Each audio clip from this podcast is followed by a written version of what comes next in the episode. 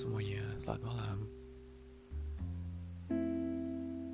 Seperti biasa, tengah malam bingung mau ngapain dan memutuskan untuk take episode ketiga dari podcast ini yang baru banget gue dapetin judulnya ini sekitar 15 menit yang lalu. Karena hari ini sudah jam 2 malam jam 2 subuh or whatever you call it. Sudah tanggal 7 Desember di tahun 2020 yang artinya sudah 2 jam setelah gue berumur 27 tahun. Agak aneh rasanya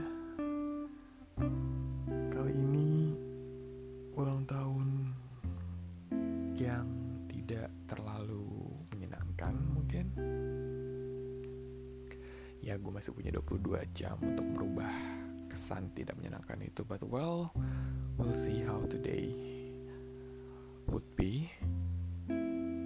Tapi topik yang mau gue bicarain adalah quarter life crisis yang kayaknya emang sudah menjadi suatu hal yang pasti dialami sama teman-teman yang sedang berusia sama seperti gue 25 tahun ke atas yang merasa mungkin kok hidupnya gitu-gitu aja ya. Karena dengan adanya sosial media seperti sekarang lo akan sangat mudah untuk membandingkan hidup lo sama orang lain. Gue merasa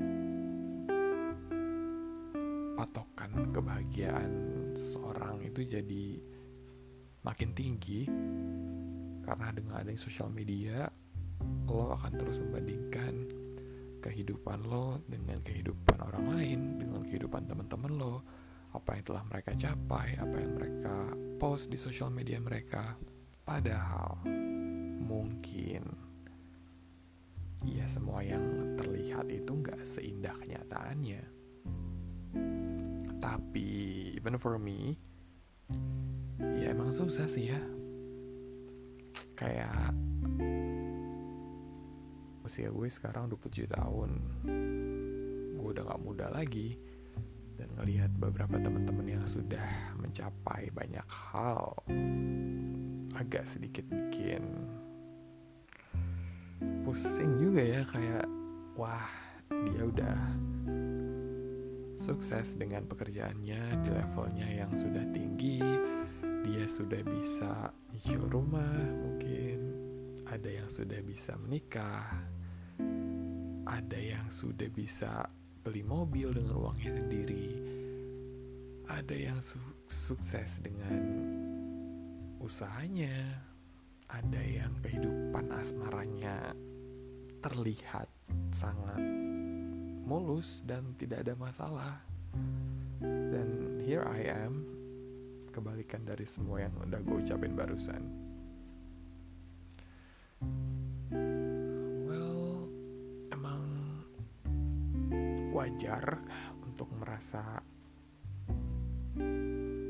down. Sangat wajar lo untuk introspeksi diri lo sendiri cuma mungkin itu bisa dijadikan motivasi kalau lo bisa ya karena sampai saat ini pun gue ngerasa gitu sih. Kayak kok bisa ya teman-teman gue dengan usia yang sama lulusnya bareng? Atau mungkin gue dulu bahkan di kampus nilainya lebih tinggi dari dia?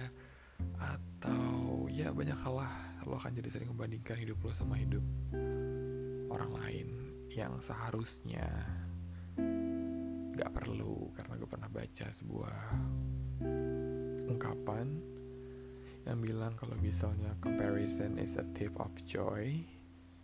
Dan gue setuju banget sih.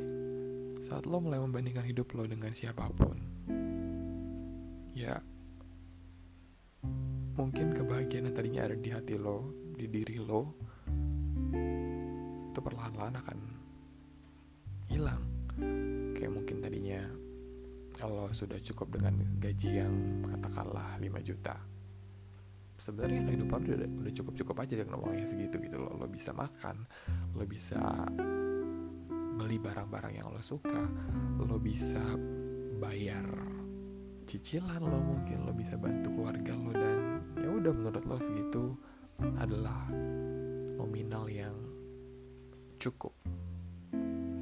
Tapi mungkin saat teman lo bilang kayak gaji lo berapa? Oh gaji gue 8 juta misalnya lo mulai kayak membandingkan kayak gaji 5 juta yang tadi sebenarnya udah cukup buat lo itu jadi berasa kurang karena adanya perbandingan yang lo ciptakan sendiri.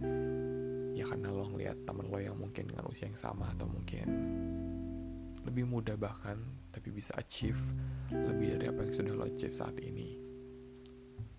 I know it's hard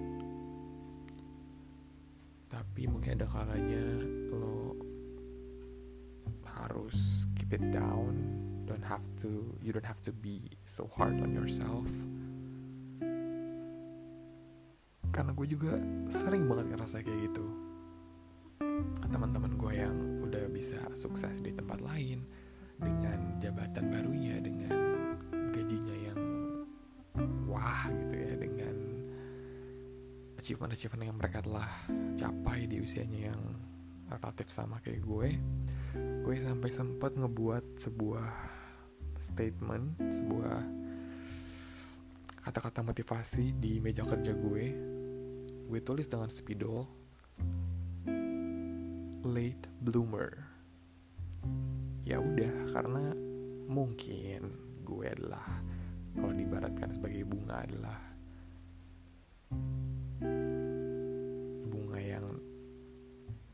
mekarnya belakangan tapi kan kita nggak tahu apakah nanti saat gue mekar mungkin gue akan lebih indah dibandingkan bunga-bunga lain atau teman-teman gue yang lain gitu. Itu sih yang coba gue terapkan di pola pikir gue belakangan ini. Gue sampai kepikiran kayak banyak hal karena jujur gue lagi banyak banget hal yang sedang terjadi di hidup gue nggak mungkin gue ceritain juga sih ya. Sampai kepikiran. Mau nato kata-kata itu di tangan kiri gue late bloomer. Karena ya biar setiap gue ngerasa down gue tinggal mungkin ngeliat tangan gue sambil kayak ya udah it's okay untuk menjadi seorang yang mungkin tidak secepat itu untuk mencapai sesuatu. Karena ya hidup itu bukan balapan bukan cepet-cepetan siapa yang lebih cepat untuk beli mobil siapa yang lebih cepat untuk dapat pekerjaan yang lebih baik atau siapa yang lebih cepat menikah no. Hidup itu harus dinikmati walaupun ada sakitnya ada senengnya ada perasaan-perasaan gak enak along the way. Tapi ya udah that's life that's mean you're alive. Saat lo masih ada ups and downs di hidup lo. Sangat melankolis entah kenapa it's supposed to be a happy day since my, it's my birthday. Tapi ya in, seperti itulah kira-kira ya. Gue harap semua lagi dengerin ini juga kalau sedang meng menghadapi quarter life crisis bisa lebih jangan terlalu keras sama diri lo sendiri. Everything is going to be okay. Semoga dan mari kita belajar untuk tidak membandingkan kehidupan kita sama kehidupan orang lain. Gue juga akan belajar. Ini ya itu menutup topik hari ini. Semoga apa yang gue bicarain ada efeknya ada dampaknya buat yang lagi denger. Kalau misalnya ada kritik ada pendapat atau anything tinggal cari aja. Kayaknya gue hampir ada di setiap platform sosial media. Cari aja Markus Hendra or you can email me at gmail on hello.markusendra@gmail.com good night semoga tidurnya nyenyak semoga bahagia terus semoga sehat terus and I'll see you guys very soon bye